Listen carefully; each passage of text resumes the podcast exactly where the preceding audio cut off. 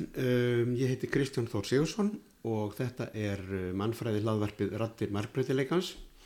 Í dag ætlum við að ræða við Katrínu Önnu Lund, uh, mannfræðing um uh, allskins hugmyndir og, og pælingar í sambandi við það að ferðast um landslag og ekki endilega sem ferðamæður heldur sem gangandi og sem svona reymalit fyrirbæri í gegnum, gegnum landslæðið og hérna svona svolítið út frá svona fyrirbæra fræðilegum nálgunum. En eh, Katrín Anna, hún er sem sagt mannfræðingur og hún er professor í land- og ferðamálafræði við Háskóla Íslands og eh, helstu fræðilegu áherslur hennar hafa verið eh, í sambandi við skinnjun á fyrirbæra fræðilegum skilningi, reymanleika og frásögnum eða svona narratífum í samvikið við landslag og gunguferðir. Það er segja það að ferðast og sem svona einhvers konar skilja eftir þessi svona einhvers konar fingraför eða fótaför manna um landslæði.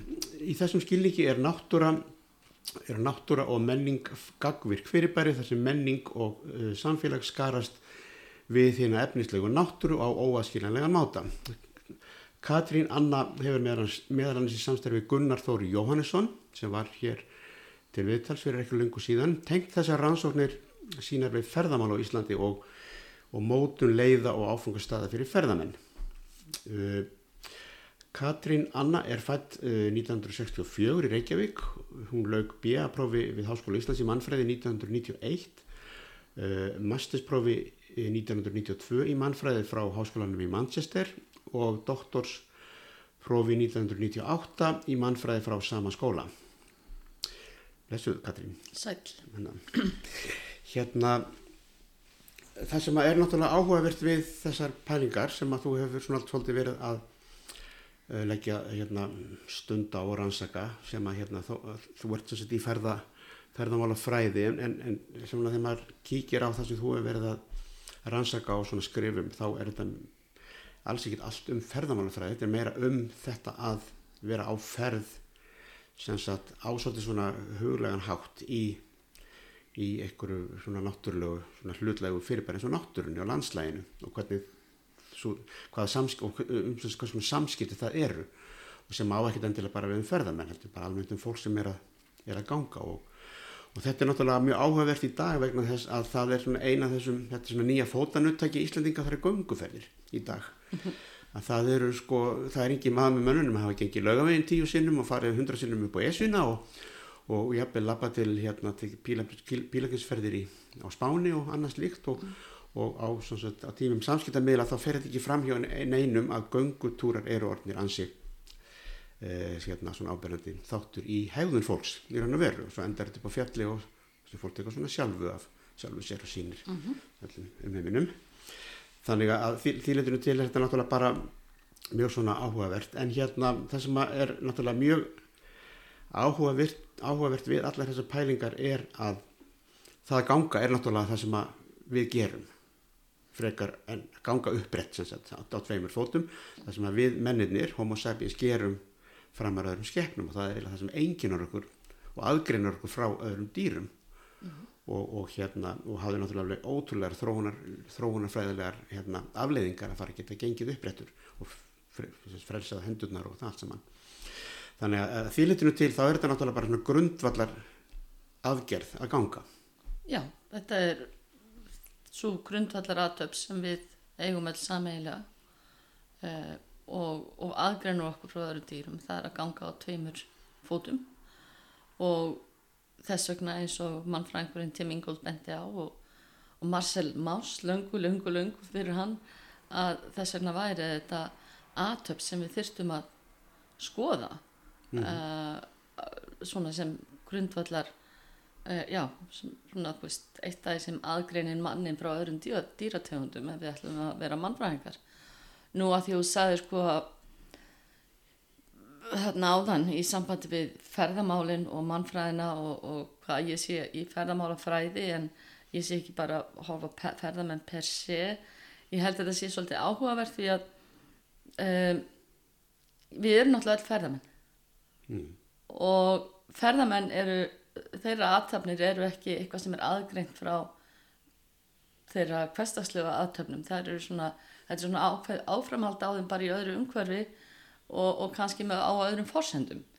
Þannig að í sjálfu sér er svolítið erfitt að eða þú veist, ef maður að skilgreina það akkurat hvað er það að ferðast þá hérna getum við farið í margar, margar, margar áttir og, og hérna og það var kannski þess vegna ef ég má halda áfram Mhm, sem ég byrjaði að hérna velta fyrir mig landslag, ég hefði ekkert ætlað að skoða landslag.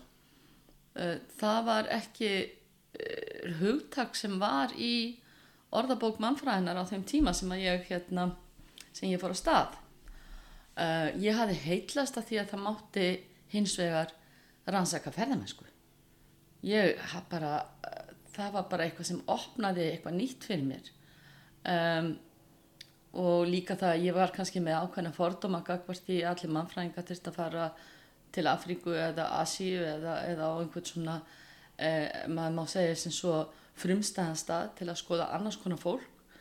Eh, það að rannsaka ferðamennsku og, og sko, gera rannsóknir í teinslegum ferðamennsku eh, var alveg kjörið til þess að kannski að horfa okkur sjálf bara út, út um ákveðin speil sko og, og, og alla því að það ferðast allir. Og hérna og þegar ég var á Spáni að gera mína doktorsrannsók þá hérna var ég stödd í Þorpi, bjó í Þorpi upp í fjöllum um, í Suður Spáni, á Suður Spáni fyrir sunnan Granada.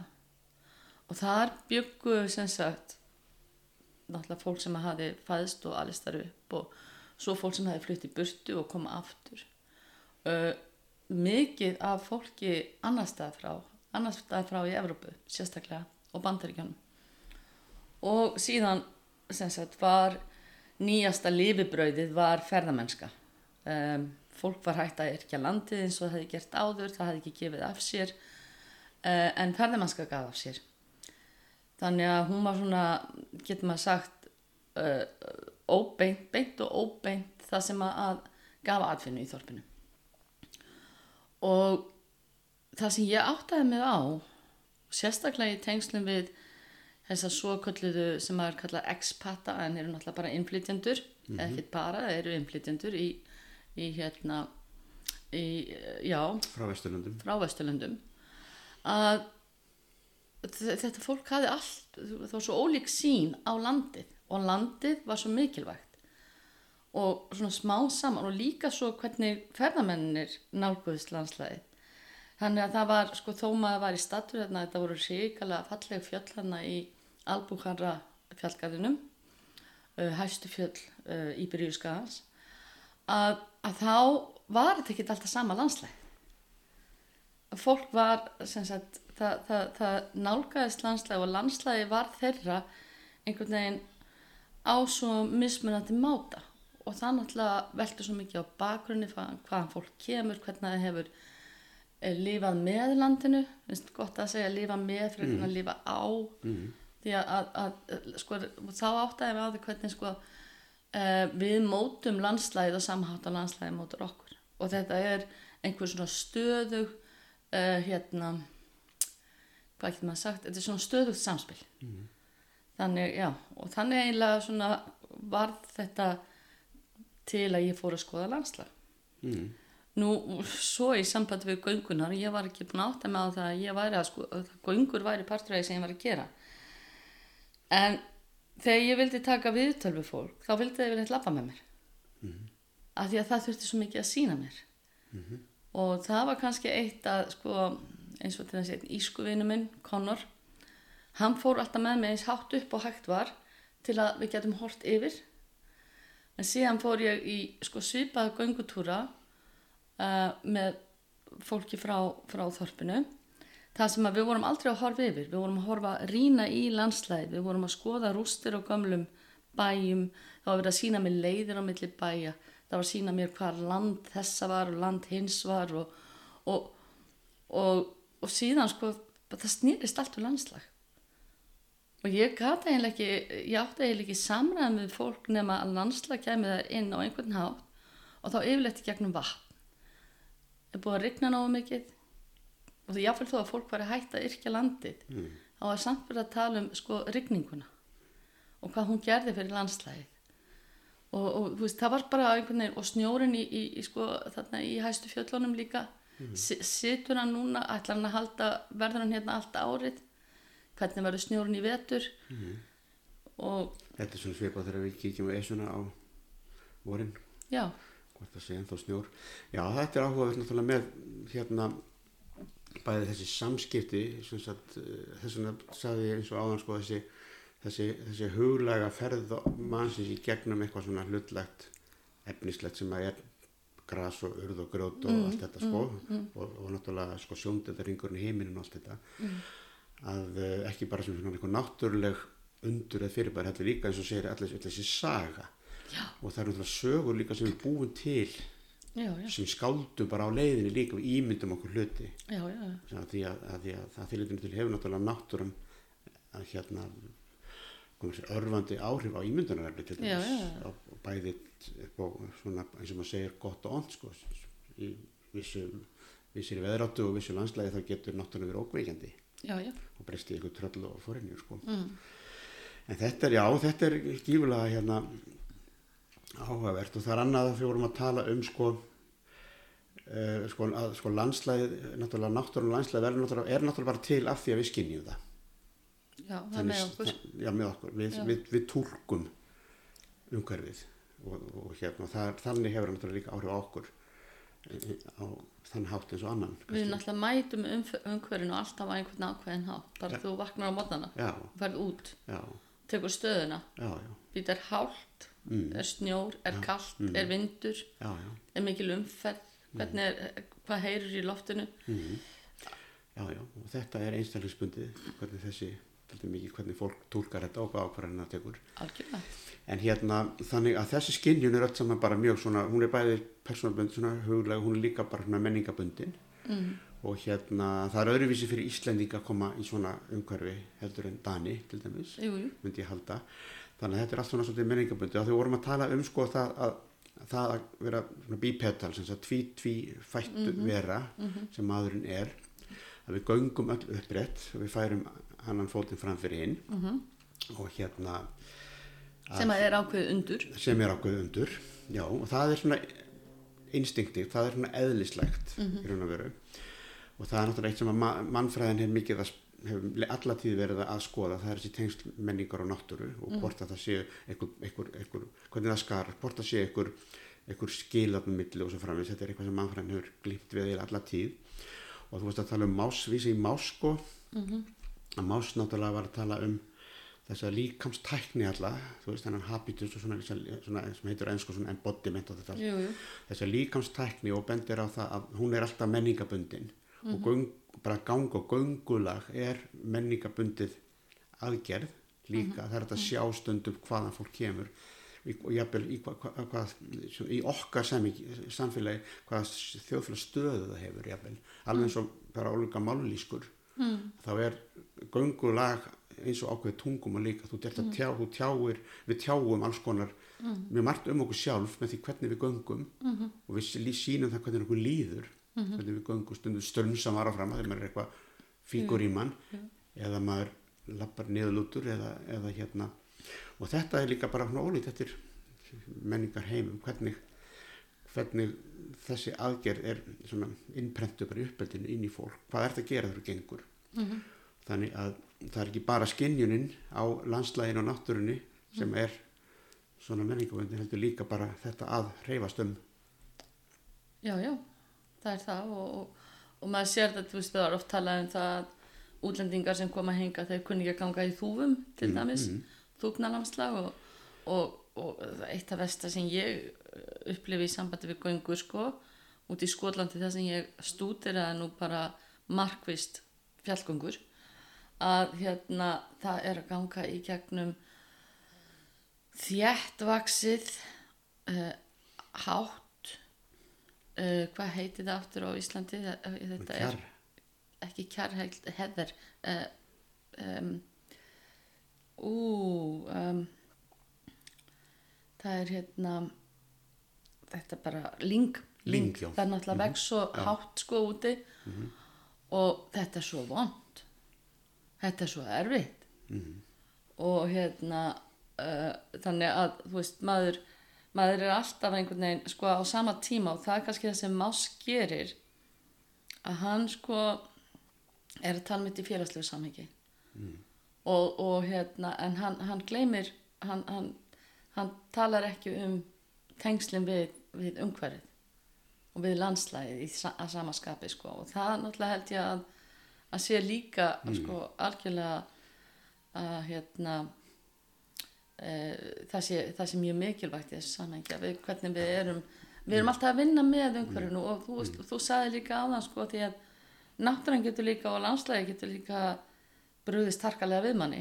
Veist, það koma elgóst, það koma stormar það koma og, og, og þannig að, að það sem ég finnst vera svo mikilvægt í þessu er að líti ekki á landslæðið sem dauðan hlut heldur sem lífandi og, og hérna og okkar uh, lífið í landslæðin er þetta er eiginlega svona getur maður sagt uh, svona uh, já þetta er bara flókið flókið tengsla virki sko sem við erum, við erum alltaf í.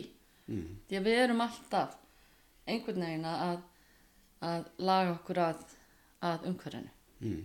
Og í auknum mæli svona í, í dag með hérna svona nýjum og nýjum græjum og klænaði og Jú, jú, það er er því. Þess að verja okkur gegn þessu Jú, jú, það er því. En hérna, það sem að, svo ég ta- tali aðeins meira um þetta með að ganga, sko, þetta, hvað það endur speklar hver við erum og hvaðan við komum og hvert við erum að fara, náttúrulega, þetta, þetta er náttúrulega ferð. Og að hérna, það er þetta til dæmis að ganga í landslægi, þú veist, fara hérna upp á hálendi til dæmis, við höldum okkur í Ísland, eða fara inn í regnskóa eða eðimerkur, fara inn á, eða, eða til Garanlands, fara inn á ákveðin svona vistkerfi, þar sem við, við, höfum, sem við verðum að laga okkur að haga okkur á ólík, ólík mismunandi hátt eftir hvar við erum. En við erum alltaf einhvern veginn með dætt í hug sko, þú sagðir áðan að við, alltaf, við værum alltaf að ferða sko, þá dætt mér alltaf að skoist upp í hausin á mér sko, svona mynd af til dæmis bara mér ef ég lappa hérna nýr í bæ Mhm, að þá er það ákveðin svona lapp- ákveðin máti fyrir mig að lappa nýr í bæ. Mhm, heldur en ef ég væri að fara sem ferðamaður og þá kannski klæði, klæði mig kannski öðruvísi Já, já, og gengu öðruvísi. Er? Já, og þá er maður komin í okkur svona hlutverk líka félagstilt hlutverk að vera já. En hérna en hérna, ég var nú að tala um þetta við þig um daginn hérna í sambandi við þessa þessa nýfundnu maníu Íslandinga að ganga út um alla trissu sem er bara mjög gott og hjá flestum er þetta kannski ekki síður bara heilsubótar mál sko, frekar en eitthvað svona metafísisk hérna huglegging Mhm.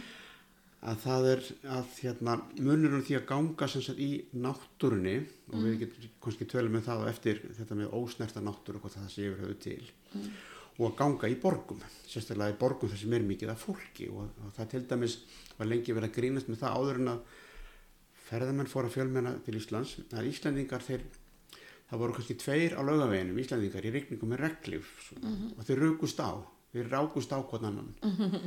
Aftur á móti ef þú ert fættur í Róm eða Kairó og þú ert að labba í mikill mannfjörg þú rekst ekki neitt þannig að líka með verður svona meðvitar um rí, þessi rými skinnjun verður allt öðruvísi. Og hún verður svona meðvitari um allt þetta sem er í kringum þannig að maður gengur einhvern veginn öðruvísi.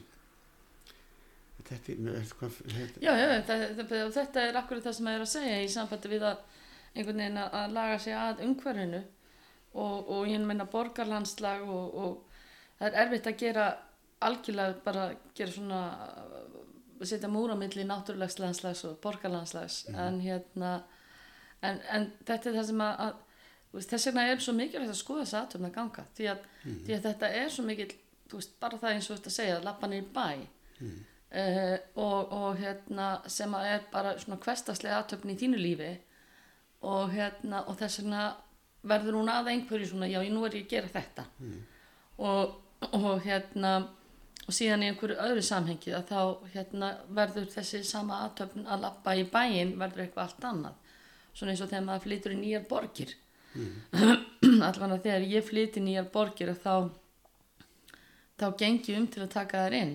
Mm, jafnvel sest niður til að horfa fólk ganga um þær. Mm, það er svona eitt af því sem maður gerir líka sko.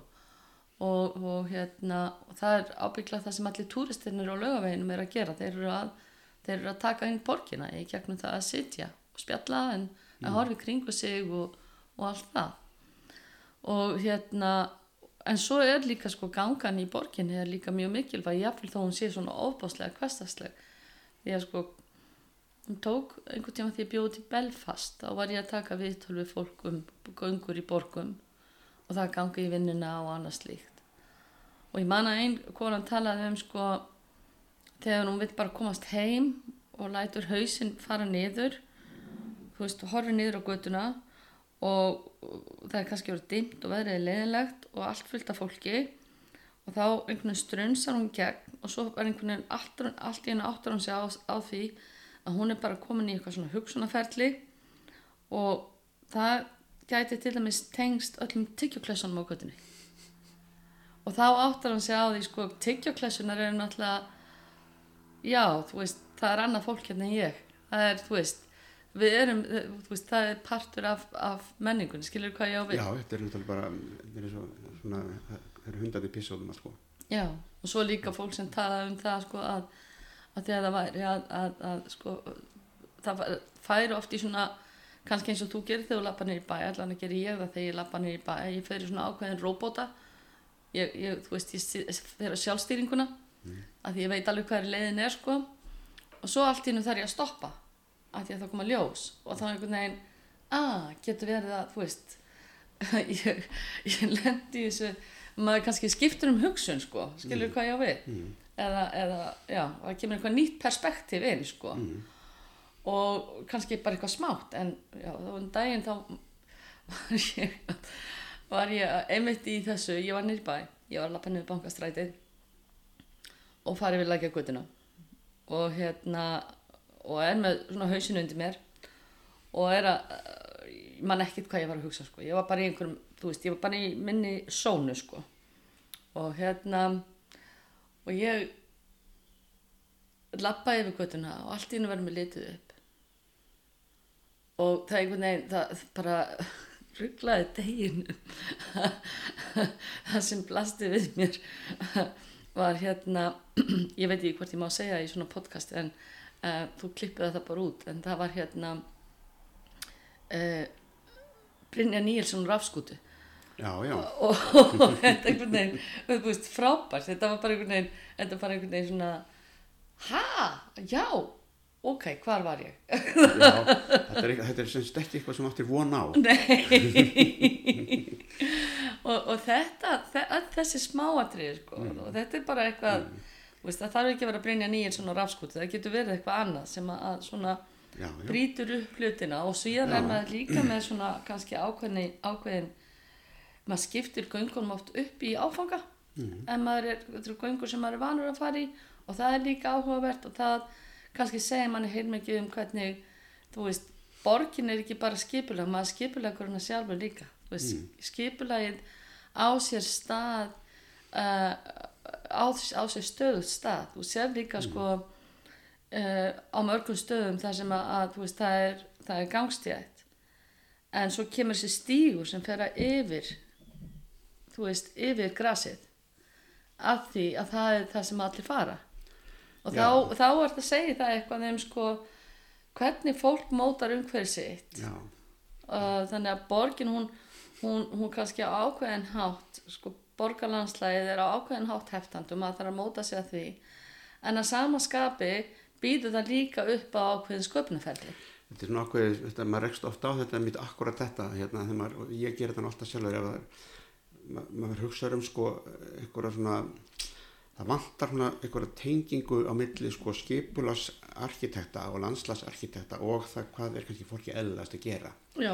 það sem að koma einhverjar beina línur og 90 gráð hodn mm -hmm. en maður fer alltaf sko, maður býr alltaf til já. og hérna en hérna þú veist að tala um þetta með hérna þetta óvænta atvik, atvik hérna í austustræti að hérna það var einn ein, ein, ein grein sem ég var að var að líti eftir þig þess að þú veit akkurat að tala um sko hérna þetta að að ganga sérstaklega hvort sem er að ganga í bara nýri bæ eða í nýri borg eða upp á öðröfum ykkur staðar að það eru svona, þetta er, þetta er ákveðin leið, maður er að fara eitthvað leið, stundum er hann ákveðin, stundum ekki, stundum færi leiðin, man- leiðin leiðir mann eitthvað. Og svo er ákveðin svona vörður sem er þess vegna rauktljós eða eitthvað, bara, eða á eitthvað, Jú, jú. þetta, þetta staldra við sem er svona eitthvað svona tímabundin á, áfangi. Og svo er þetta að rata og svona að rasa til dæmis sem að dettur eða villist og það er náttúrulega eitt af því sem ég mikið pælti í þegar ég sjálfur hérna, verið að þvælast ekki starf í útlandum ef ég búið í alltaf mörgum borgum elendis og byr, hef alltaf byrjað því að lappa um og kynna með borgina. Og, og maður villist. Og það er alltaf, fyrir mér er það sko það besta sem gerist. Mhm.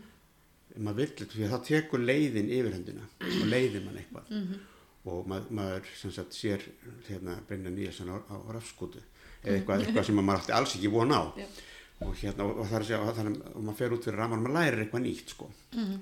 og hérna stundum eins og þessi stundum bara dettur fólk meði sig, Já, slasast og hérna og þetta er það sem að maður man eftir á leiðinni það er, það er þessi þú hefur aldrei, þessi, þessi göngutúr þinn hefði, þú hefur aldrei neitt, hann hefði ekki grefst í þitt minni nema út af þessu atviki Mhm. þetta var þegar ég fór nýri bæ og sá Brynjan Nýjason á rafskútu Mhm. einn af hundra göngutúrum sem þú mannst ekkert frekar sérstaklega eftir Nei, nei. þannig að hérna og það er oft líka sko, það er náttúrulega líka eitt sem hefur kannski verið gert svolítið í þessum göngupælingum hjá fólki svona þessum fræðmennum sem að hafa tekið þetta upp sko að það, hún er svolítið, hefur svolítið verið tendensi til að romantísera hana. Því að við megum ekki gleyma því að það getur verið vond að ganga. Maður getur dottið og skotni geta meitt erfitt bara. Það getur verið mjög erfið og, og, og það, það í sjálfu sér er líka bara einmitt eins og þú segir sko, það, þegar ég datt og það breytir kannski öllu mm. það getur breytt og það þarf ekki að vera til að sverra það, það bara breytir öllu sko. og, og hérna það að rasa og annað stíkt sko. þannig að, að þetta er þetta skiptir líka máli og, og já, og þetta sínum hann líka maður hefur og veru ekki alveg stjórn á leiðinni nei nei það er landslæðið svo, svolítið sem leiðir mann áfram mm. og, og þetta er svolítið það sem þið tala um þetta sem encounters sko, í, í, í fræðunum þessi, þessi, hvernig, hvernig við mætum umhverfinu sko, Mm. og hvernig umhverfi mætir okkur að sama skapi Mm. og það getur verið gest á svo ofbáslega mismunandi máta Mm.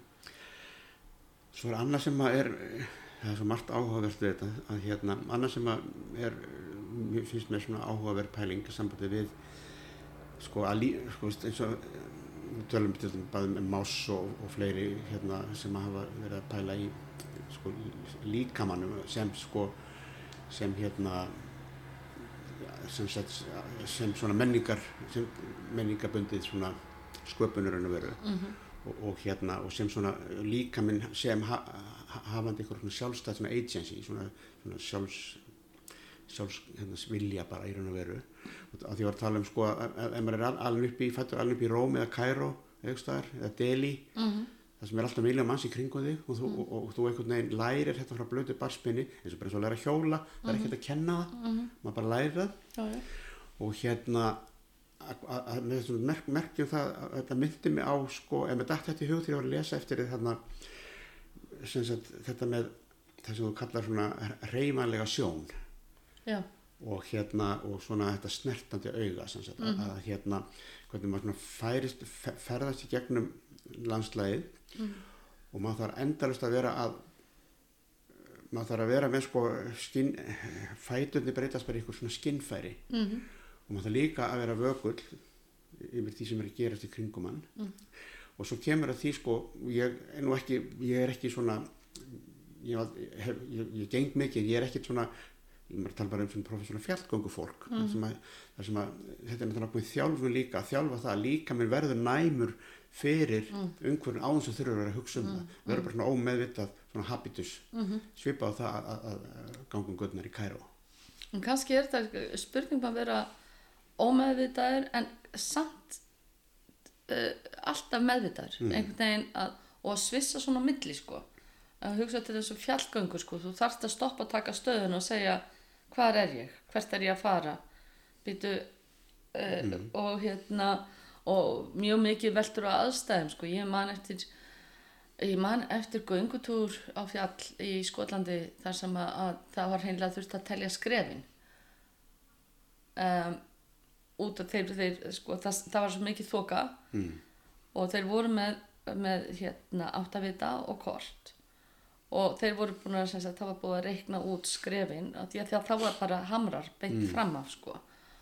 Og hérna og, og ég þurfti sagt ég labbaði þarna á eftir einhverjum sem að, að var að telja skref.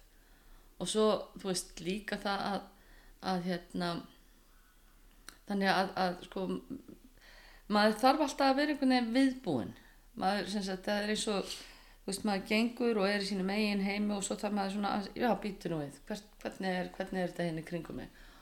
Og, og það er partur að því að taka sem sagt landslæðið inn og, og ég held að sko að já um, þetta, þessi snerting þetta er ákveðin snerting sem á sér stað sko.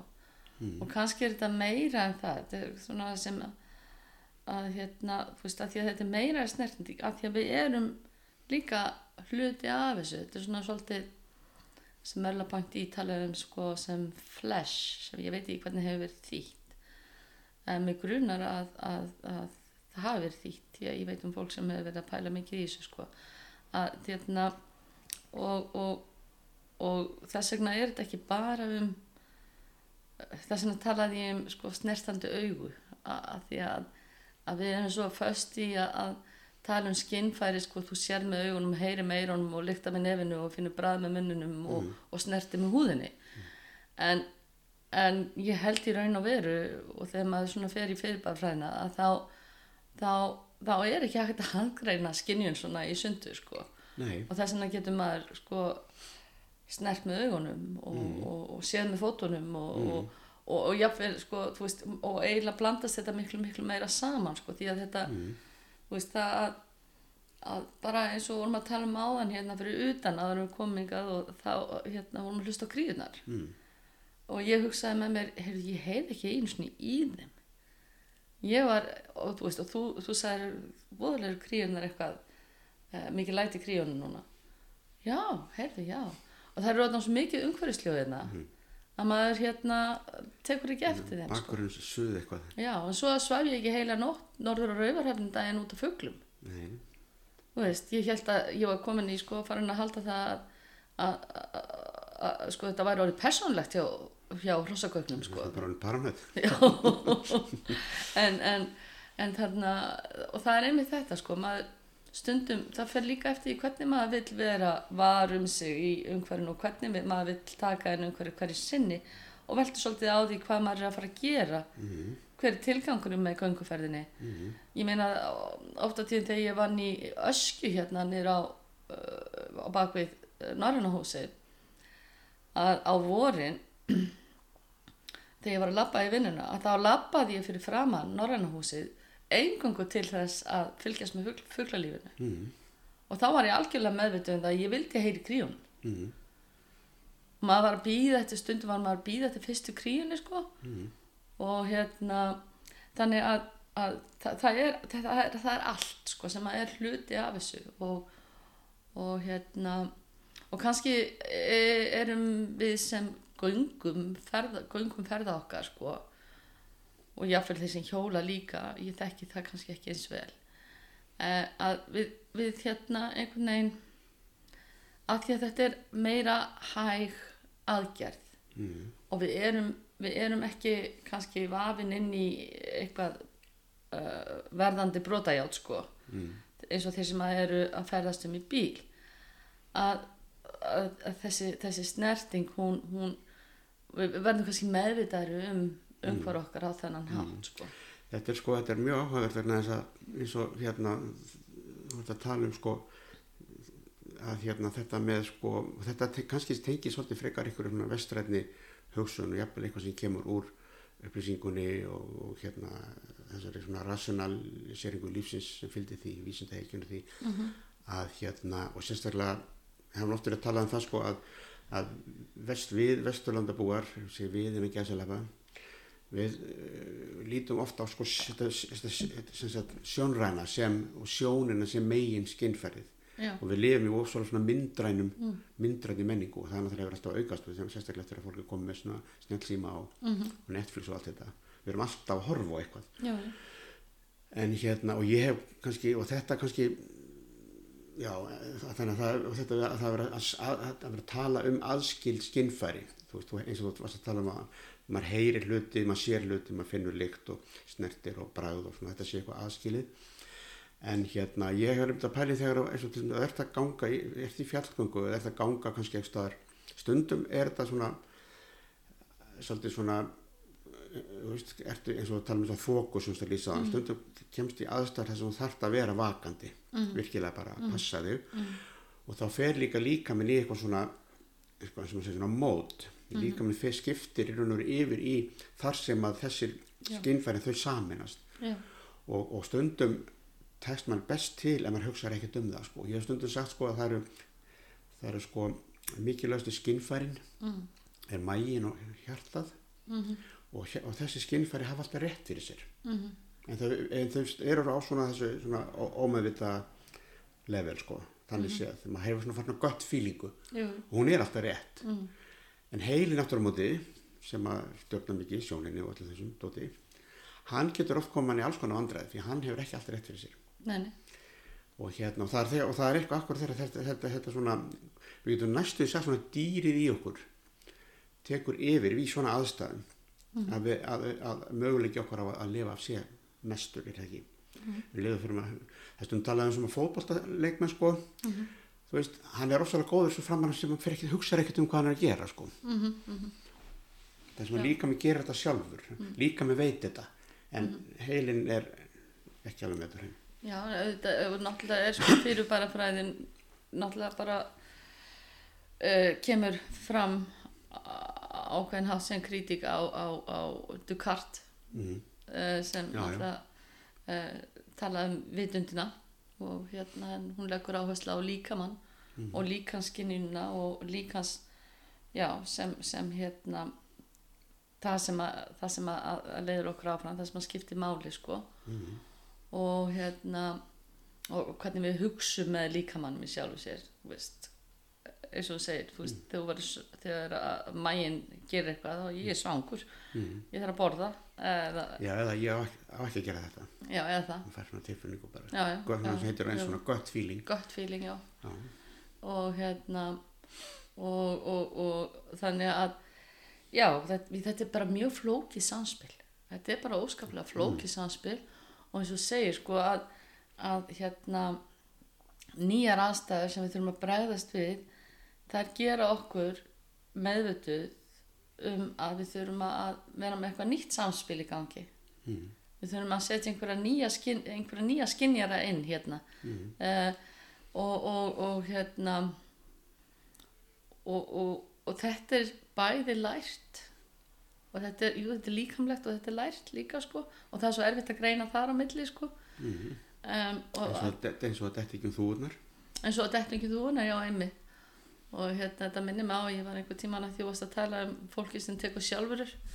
Að hérna, fyrir nokkrum árum ég hugsaði að það var, orðið þó nokkur langt síðan allir hafi ekki verið bara kringum 2011 eða eitthvað álíka að þá fór ég í gönguferð með vinkonu minni á nýjárstak og fórum bara út í Skerjafjörð. Löpum ægir síðan út í Skerjafjörð og, og, og hérna og þegar við erum komnar þegar erum komnar þarna að, að það sem maður er að taka beiguna yfir í, í, í nautorsvíkjuna þar.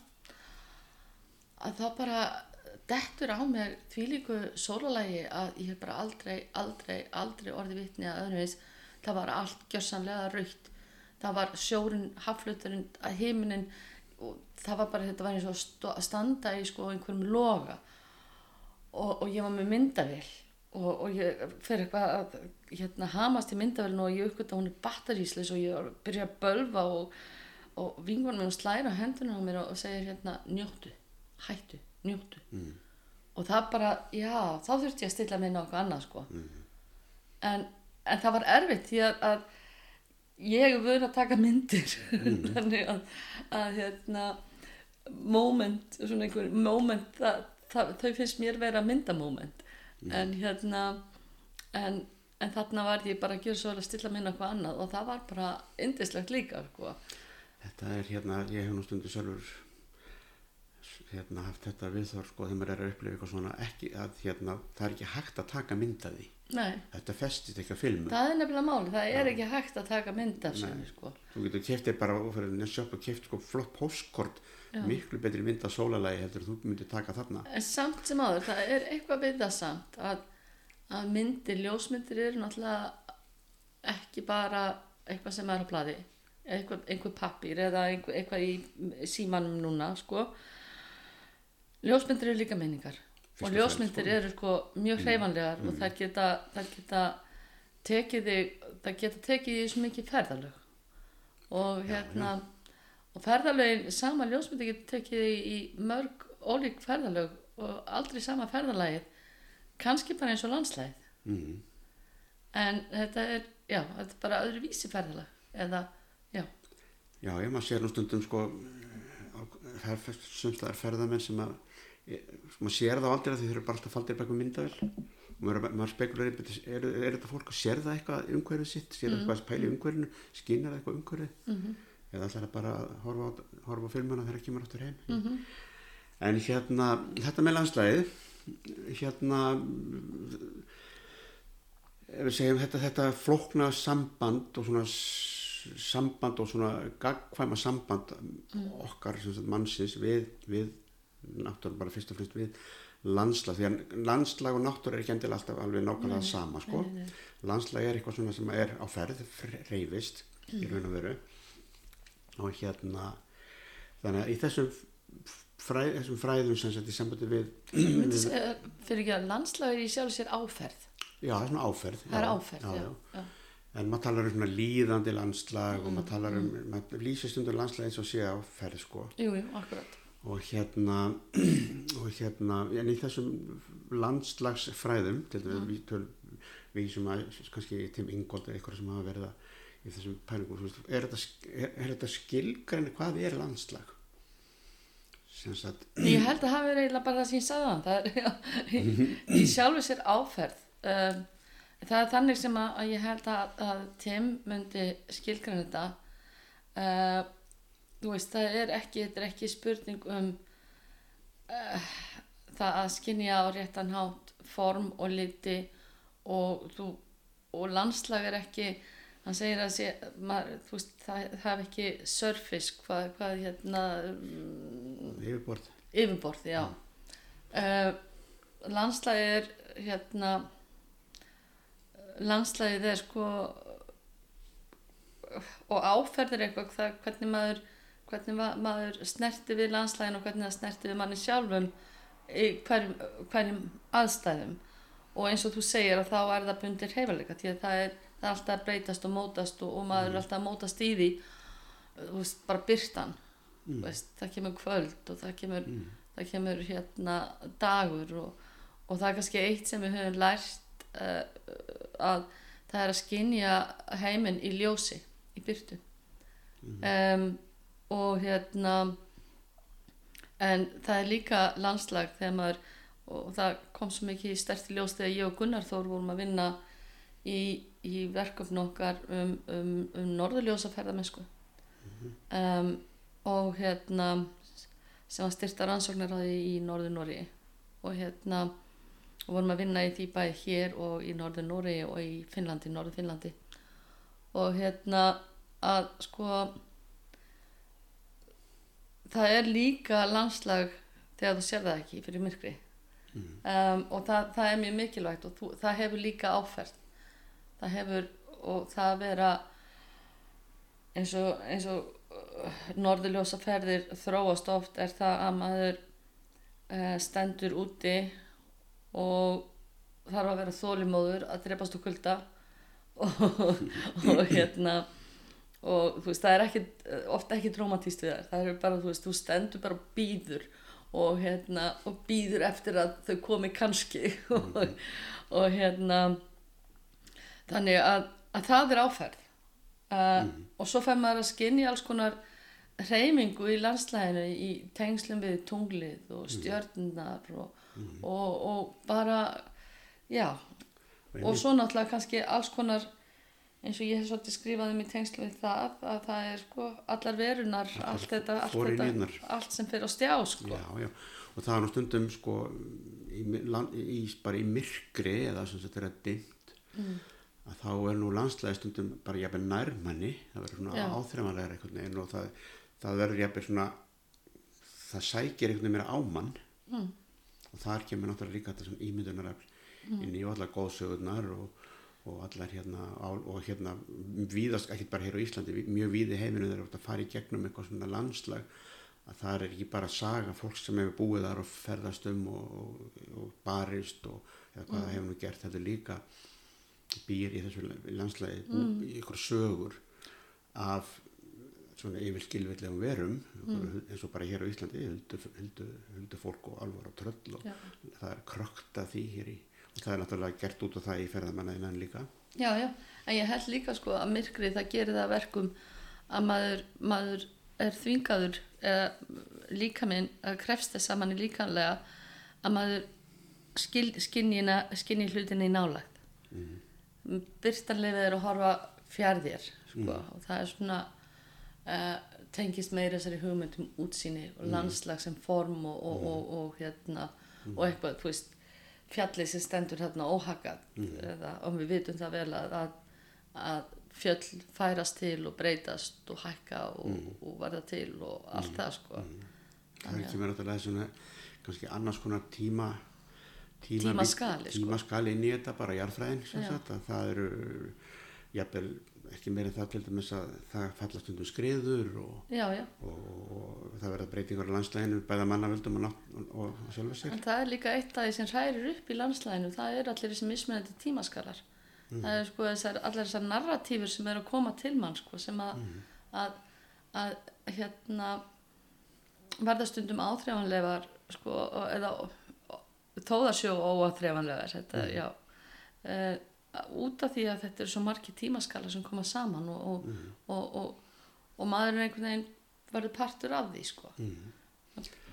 Mér dettur svona í hug sko áður en ég fyrir að tala um þetta næsta sem að mér dettur allt í hug núna bara hérna bókin hérna lifandi lífsleikur hefur lesið hana? Já.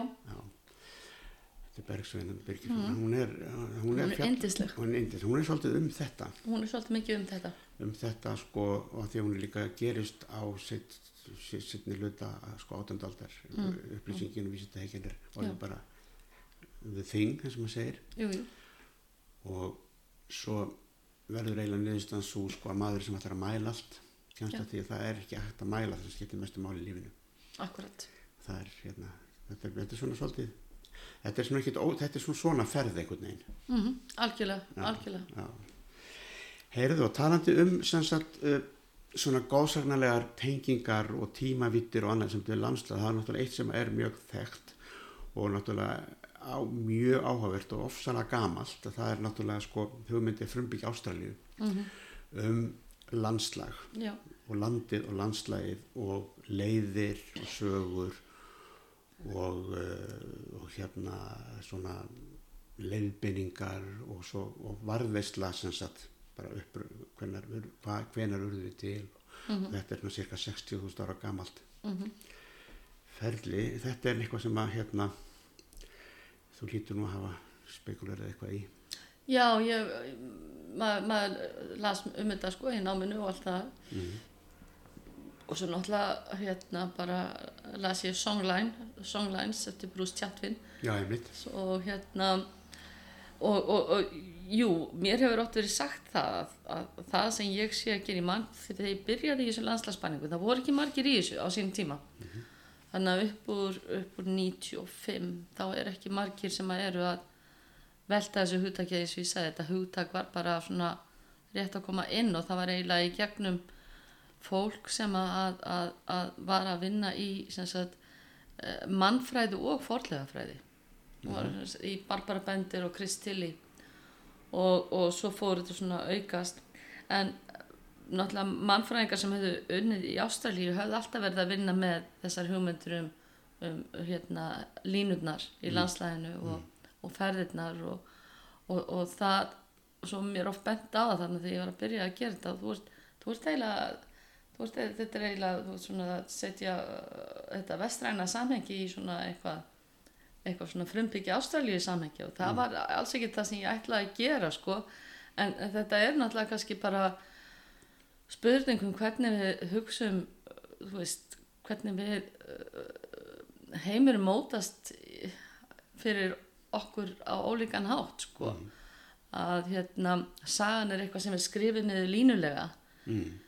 en, en hérna og, og, og þannig þú veist þessi, þessi hugmyndum að varveita og þetta er náttúrulega mjög svona þessi hugsun upplýsingarinnar sko, að sín, sagan gerist svona, já, sé skráð niður og, og við reynum að staðsetja allt í tíma og, og þessum línulegu tíma og mæla og allt það. En, en kannski í rauninni þegar við, uh, þú veist þá, þá, þá hérna þá er þá er landið þá er landslægið sífælt að segja okkur þessar sögur sko. Og við erum að ferðast með landslægi uh, um, já. Já, já, það er ekki eins og þetta með þarna lifandi lífsleikur sko. Hann komst að því þessi ungi vísindamaður að uh, hann fór að hverfa inn í einhvern heim þarna, mm -hmm. sem sagt dölafullan heim, Jú, með alls konar furðuverum og fórinnum og tröllum og, og, og dölrænum fyrirbærum að uh, sem varð, sem tók, hert tók hann neila en hann gæti ekki malta nei, nei, og hérna, og þú varst náttúrulega að gera líka smá rannsókn á hérna kringu Snæfisjökul já, fór aðeins þangað. Já, já, og þar dettur manni náttúrulega hug önnur saga um að svipuðum, svipuðum toga, hérna kristnihaldið, jú, jú, sem er líka svona svipuð pæling, sko. Jú, algjörlega, algjörlega. Að fara, þú átt að fara að mæla. Já, já, svo bara getur það ekki. Nei. En það var kristnihaldi síðasta bókin sem ég las áður ég fór til Spána til að gera vettvansrannsóknum mína fyrir doktors, doktorsverkefni. Og ég held að það hafi nú verið Gísli Pálsson sem að svona tryggeraði það því að hann hafi verið að skrifa um umba. Já, já, og hérna og ég fann hann á ennsku keipt hann á ennsku og hérna og hérna las hana í góðri þýðingu Magnúsar Magnússonar. Ég held að það sé ekkit villast hjá fólki að, að hérna lesa kristnihaldi áður en það fer und, í árs árslanga rannsókn einhver stöður út í Já. algjörlega og ég hef hérna, ég hef verið að maður til þess að þessi bók er bara kend eða hluti, bara er bara kend í sem sagt, vettvansaðferðum sko. Já, já, náttúrulega mannfræðinni bara, bara, er bara, ja, kannski ekki kend en, en bara fólk ætti að lesa hana sko. Já, já, algjörlega. Og hérna en hérna, nú erum við búin að vera að fara svona vitt og breytt svona í, kring, í hérna, fjalla um þessar alls konar pælingar í sambandi við að ganga landslæg náttúru og, og, og, og, og allt það og svona í lokið það kannski tengjum þetta aðeins við ferðamennskuna. Mm og hérna og þessi ferðamennska hér á Íslandi, þessi ferðamennska sem að Íslandingar selja fyrst og fremst er svona náttúru ferðamennska útlendingar koma hinga til þess að upplefa einhverja náttúru og við, við pökkum við þannig inn að hér sé einhver svona einstök náttúra. Og það sé hérna, hérna vilt náttúra og það sé hérna sé hérna ósnert náttúra. Þetta er allt svona hugtök sem að eru mjög sérkennileg. Merkja þau eitthvað? Er að, er að, skil, er að skilgreina þetta svona eða er þetta bara eins og maður segir ódýrt sölutrygg? Þau kannski hafa merkingu að því leiti svo, í, í samingi við það hvernig við viljum hvernig við viljum, hvernig við viljum sjá hlutina, hvernig við viljum setja okkur í, samhengi við alheiminn. Mm. markaðslega hefur hafa þetta merkingu, skilur hvað ég á við og, og kannski líka í, í einhverju leiti sko ósnert náttúra hvað er það? Já, nákvæmlega, hvað er það? Er það til? Er það til? Maður, Ósnert af hverju? já, algjörlega og, og nú er ég búin að vera að tala um það hvernig sko við erum í stöðu snertingu við landslæði og landslæði við okkur sko Mm. og hvernig við ferðumst það getur verið á svo margan hátt og hérna og það er líka, já það er það spurning sko er til eitthvað sem að er ósnert náttúru og hvernig er hún ósnert? Og, og en svo er líka spurning að sama skapi sko hversu mikið viljum við vera að sko snerta á náttúrunni? Eða þú veist þetta, þetta er þessi, þessi tvískipting sko í náttúru og menningu sem að, er hefbindin og aftur erum við að tala hér um eitthvað sem verður til í, í tengslu upplýsinguna. Mhm. og, og út frá upplýsingunum meina ég og hérna svona ný hugsun. Að maðurinn sé ofar náttúrunum náttúrun er eitthvað sem er þarna og við, við getum stjórna hana, við getum virkjað hana og síðan eru aðrir sem koma að vilja venda hana og við erum alltaf með þessa litlu sætu náttúru hérna í, í, í, hérna, í einhvers konar virkjun eða vendun sko. En, en, en hérna og þetta er kannski orðræða sem að er svolítið svona þú veist hún sko þess vegna kannski hef ég talað minna um náttúru í mínum fræðum heldur en landslag. Að því minnst landslagi verða svona ákveð grundvallar hugtak sem að, að, tala um áferð, tala um hvernig það er með okkur, hvernig, hvernig við erum partur af því. Og, og, og, og, og við höfum ná, veist, landslag sem við getum kallað náttúrulegt. Um, og það er líka sko hvað þýðir náttúra, hvað er náttúra Já. já, og hérna hver skilgrinni náttúruna og, og þú veist Og er náttúrulega ósnert þegar við erum þar? já, bara, og svo þú veist ég meina hvað er við að gera þegar við stingum tölvunum okkar í samband Mm. eða þegar þú hleður símaninn Mm. þú veist að tengja þig náttúrunni Jú, jú. alveg bara beint Mm. Mm. og hérna þannig að það, það er ekkit hægt að þú veist ég, ég vil frekar sko já, ég, ég á erfitt með þessi hugtök af því að, að þetta er ákveðin búningur og þú, það er svolítið áhugavert til þess með ferðarþjónustuna að, að hún er eiginlega að nota sömu orðræðu og var verða að sko og hugmyndafræðu um, um þetta, þetta landslag, þetta, þessa náttúru, íslensku náttúru og, og, og, og þeir sem ferðuðist hingað, þú veist, á, á 19. öld Mm. voru að, voru að koma með. Þannig að, þú veist, hvernig landið sjálfur sér sem að skapa sem náttúru perla gerist náttúrulega með ferðalöngum fyrir tíma, sérstaklega sko 19. aldar ferðalöngum Mm. og, og, og hérna og því að þú veist Ísland þótti fjarlagt og, og hættulegt áður sko Mm. og eitthvað sem, já bara ljótt reyna Mm. uh, en, en svo bara þú veist kemur, kemur önnur svona fagur ferðileg skinjun og fagur fræðileg svona skinn og, og nálgun á, á fyrirbærin og, og, og það hefur sko það er mjög áhugavert að að velta fyrir sér hvernig ferðarþjónusta í dag er ferða, já, er eigi sjálfur sér að nota sömu hugmyndafræði og þessir 19. aldar ferðalangar um eitthvað, hvítt og eitthvað, hreint og eitthvað Mm.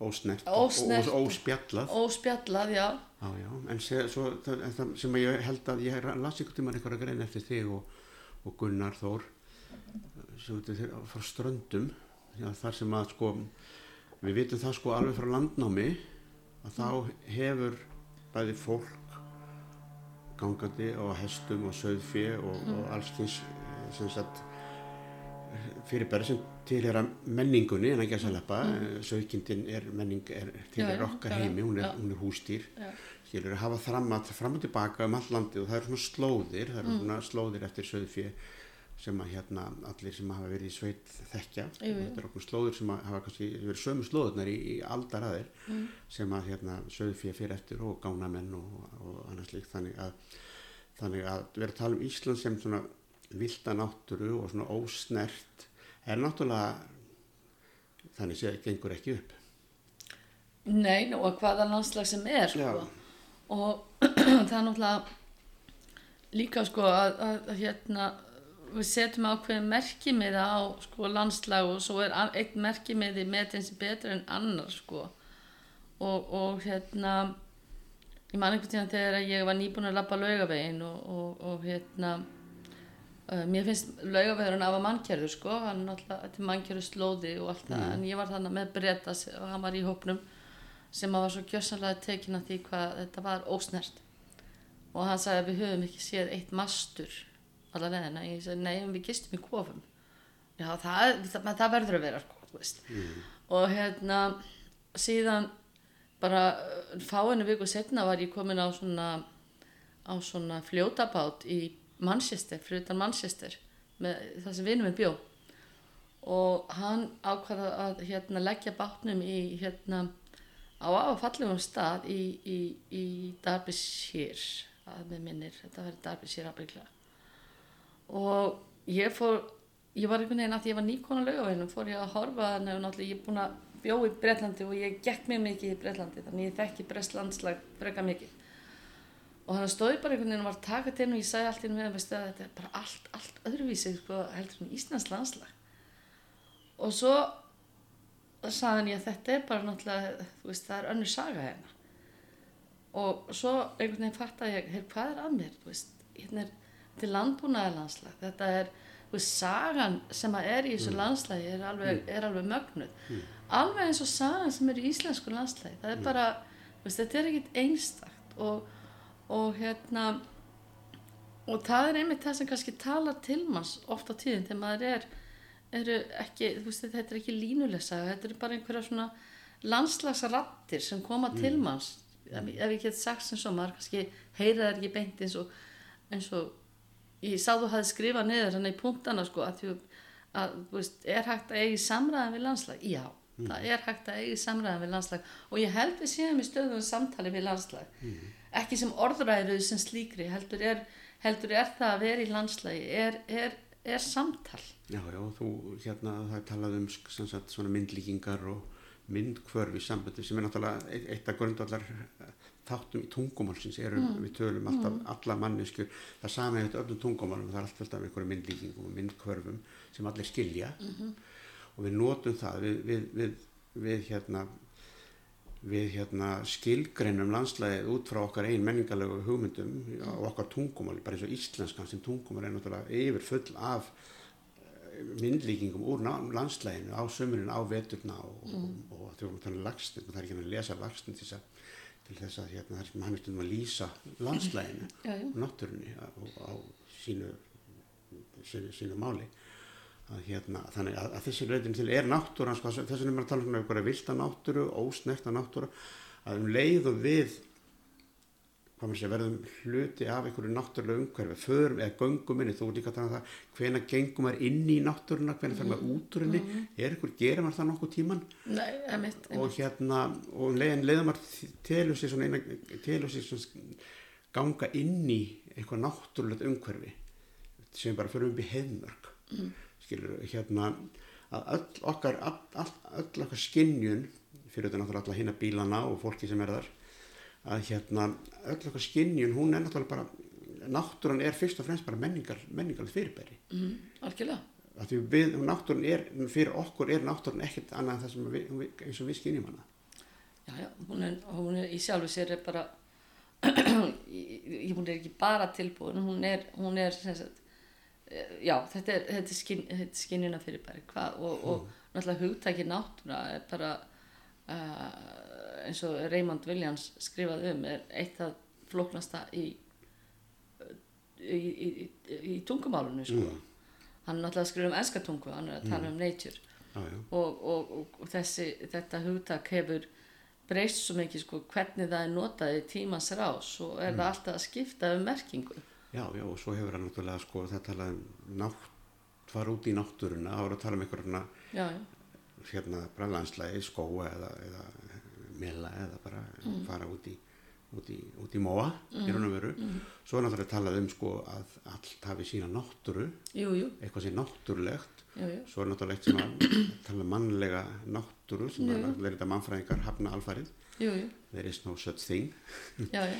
Þannig að þetta er náttúrulega, þetta er, þetta er hérna, þetta, já, algjörlega, þetta en það, þess vegna held ég svolítið að þú veist, það er mikilvægt að rýna í þetta hugtak svolítið. Og það er ekki það er ekki sko um, ekki bara á að tala um náttúru heldur að rýna það svolítið og þá líka alltaf í hvaða samengi við erum að, að nota hugtakið.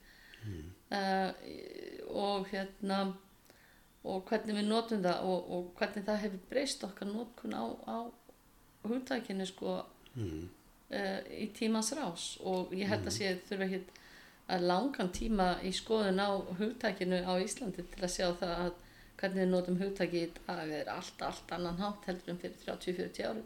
Já, og svo er það líka sko, þetta hugtak náttúra er líka með sumuleiti svona afstætt þegar hérna, Mm. þegar við erum að tala um sko eitthvað yfirnáttúlegt. Mm.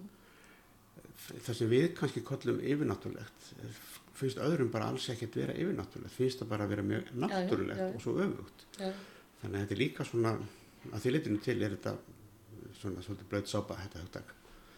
já, já, já, já. Og það er sama með menningarhugtaki í sjálfu sér. Já, algjörlega. Þannig að ég held að þetta sé, þetta er bara, þetta er hefð, þetta er, þetta er, hvað getur maður sagt, 200 ára gömul hefð í, í, í, í akademíinu að aðgreina á milli og sér nú bara hvernig háskólanum er skipt upp í Já, já, náttúru og, vísinda, náttúru og vísindi og hugvísindi og félagsvísindi hins vegar. Og hérna heil gata sem skilur þetta. heilgatan sem skilur þetta já. og hérna þannig að, að uh, þetta er hefð og hún stendur þetta svona svolítið Já, uh, gerir það. Og, og hérna og þar að leiðandi sko orðræðan sem að, að þessi hefð skapar hún alltaf nær út fyrir vegi akademíuna sko Mm. Já, já. og, og hérna Og þau erum að tala um sko huldufólk og sem hluti af svona, sem til, heyrandi til í ykkur svona innan gæðsaleppa náttúru mm eða á landslægi að uh, þetta, mann er dættur hug svona þessi segja, þessar hugmyndir og deilur sem sagt, uh, sem sagt trúlesingja sko við gagvart fólki sem trúir á eitthvað sko. Mm og hérna, það er Richard Dawkins sem einn helsti hérna, trúa leittói trúlesingja. -hmm. talaði um sko að þetta væri náttúrulega algjör fyrir að trúa á álfa og huldufólk Mhm. þetta bara er bara eitthvað tegund að sjúkósu þú geður ekki bara skilur, sem er náttúrulega ásvalega sleggjadómar Mhm. en fyrir sömum er engin, eru þessi skil ekki til Mhm. og mér dettur alltaf eins og kannski, þetta er svona svolítið út úr, mér dettur að hug að hérna þekki mann sem að er kynntist hérna þegar ég var að gera mína rannsókn að múslimum að hann hérna hann er hann er hérna eiginlega erðafræðingur, líffræðingur, erðafræðingur hefur, hefur verið að vinna og gera rannsóknir við á erðaefninu og, og svona þessum, þessum líkamlegu kóðum sem sagt í manninum sko heila, heila rannsóknir og alls konar hlutir en hann er til muslimi trúaður og er með trúaður sko. Og það var ég ekkert, ég var ekkert um að ræða þetta hann sagði það, hann sagðist ekki skilja af hverju var alltaf verið að taka þetta í sundur. Mm. þetta er þetta, þetta er ekki eitthvað tvent þetta er bara eitt. Mm. og hann sagði mér það að í- því meira sem hann lærði um þetta galdra verk sem við erum alltaf að reyna að læra ykkur nýtt um sem er bara erða, erðaefnið og allt, allt, allt það þetta, þetta líffræðilega gangverk sem við Mm. mjög mikið sem við vitum ekki ennþá um það það, það sagði að þeim samfarari verði, verði um tilvist Guðs Mm. skilur við Mm. og þetta er, þetta er einhver hugsun sem að þannig að þessi, þessi við erum að tala um upplýsinguna og þetta er kart og allt þetta að ég held að ég held reyndar, reyndar að hérna, kannski guðlast að segja þetta ég held reyndar að þessar hugmyndir hafa haft allir gífur og skada í, í hérna vestræðinni hugsun og hérna bara fræðilegum pælingum þessi, þessi, þessi múr hérna milli Ég, ég held það að mörgu leiti og þess vegna held ég að við verðum að, að, að, að hugsa gaggrinnið um hvernig við nálgumst fyrir bærin mm. hvar, hvar, hvar, stönd, hvar sem við stöndum í vísindunum eða, eða, eða fræðimennskunni Mm. að velta fyrir okkur hvernig við erum að nálgast um, hugtökin sem við erum að vinna með Mm. og, og, og hvaðan þau koma og hvað segja þau okkur og, og hérna og já, ég held að þetta er svo svona ákveðin uh, grundvallar gaggrínin hugsun í, í, sem ætti að vera í öllum fræðikrænum Mm. já, þetta er nú kannski og er náttúrulega partur af sumið fræðikrænum mm. en ekki öðrum endur. Já, já, þetta er, þetta er, þetta er lífsegt. En segðu mér nú tíminn kannski farin að líða svolítið, mm -hmm. rætt talandi um það, tímaskala. Hérna, mér dætti í hug eldgósið, hérna, samvætti við ósnefta náttúru og, og, og, og hérna, fótspor mannsins. mm. Þetta er náttúrulega, er svona íkt dæmi, finnst mér um svona, þetta er ekki sem að þú ferð að skoða gósið þess að upplega einhverja náttúru en þú kemur inn og bara eins og þú sért bara í Allarík sko að Vestlanum helgi. Mm Já, ég er ekki búin að fara að sjá gósið að, að hérna, ég verði eiginlega, ég er orðin eina þessum hérna, uh, já, gangandi risaðilum hérna sem að hefur ekki farið að sjá gósið ennþá en hérna, já, svo held ég alltaf að sé að hætta þannig að ég, Það er ekki, ég held að komi, þetta er ekki búið, sko, það, það veit engin veit, það veit engin neitt. það er nefnilega sko talandi um náttúruna og, og, fræðin sko, eins og jarðfræðin, það er ekki hægt að spá um þetta. Nei, nei, nei. En þetta er, þetta er mjög áhugavert líka sko, að sjá viðbröðin við þessu og, og hvernig þetta var bara svona að, að hérna, einhverju stað þar sem allir eruð að fara á 1, 2 og 3 og, og, og, og bara umræðan í kringum allt í tengslu við gósið, sko, varnagarðarnir, mm. uh, já, það er reyndar sko er ég með, við erum hérna fjögur í land og ferðamálafræðina sem að, að eru núna með starfsmenn sem að eru reynilega bara að safna gognum í tengslum við þetta Já, já, og hérna verður mjög spennandi að sjá það.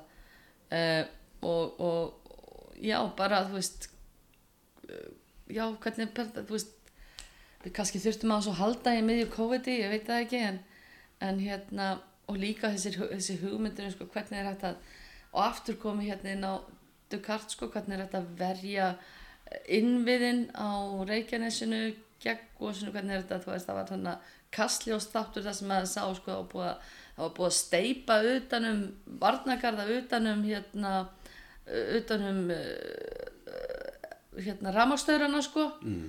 og, og, og, og, og þú veist þetta er svo magna hvernig við erum að mæta þessu uh, eldgósi að mörguleiti í sambandi við þessa orðræðu sko og síðan náttúrulega þessir vegurinn uh, fólkið Grindavík um, já hvernig þetta er sko stöðu stöðu umræðum það hvernig getum við lifað með elgósi, hvernig getum við lifað með náttúru sem að er að gera eitthvað sem við höfum ekki hugmynd um hvernig við fara sko. og hvernig við getum hagnast á því. já, og já, hvernig getum við hagnast á því þetta kemur allt upp sko. þannig að hérna já, og, og, og síðan náttúrulega líka bara þetta að fara gósinu, hvað já, ég er náttúrulega bara eins og ég segi ég hef ekki sjálf farið en hérna maður, maður sko hittir fólk sem að það var ekki samt á eftir sko því bara þetta, þetta var því líka upplifun Mm. og, og hérna og reyndar hefur líka fann, hitt fólk sem fannst þetta bara hreint umulegt en það var líka þau fóru á degi það sem að, að, að gósmökkurum var beint í andlitið á þeim og eitthvað svona sko. Þannig að, að hérna það er aftur á móti sko hvernig, hvernig mætir landslæðið er sko? Mm. uh, á hvaða hátt? Hvernig bregst það við þér og hvernig bregst þú við því? Það er, það er eitt og sko. bara þessi kraftur ég, ég, fór, ég fór, fór einu sinni fór frekar snemma í, í þessu gósi var hann smá stund og það sem að mér fannst magnast sko, að tala um að getum að tala við náttúruna það var þessi rödd sem að maður heyrði neð, neð, neð, úr djúp, djúpum jarðarinnar. Mm. það voru hljóðin það er náttúrulega- mikið svona spektakul sjálft gósið en það voru drunundir sem að maður komu úr yðri jarðar. Mm. og það var eitthvað með það að þessi, kvika kom mjög djúft frá sko. Og hérna og þannig að maður fór nú þá strax að setja þetta svona, svona rödd skrattan sko, þú veist.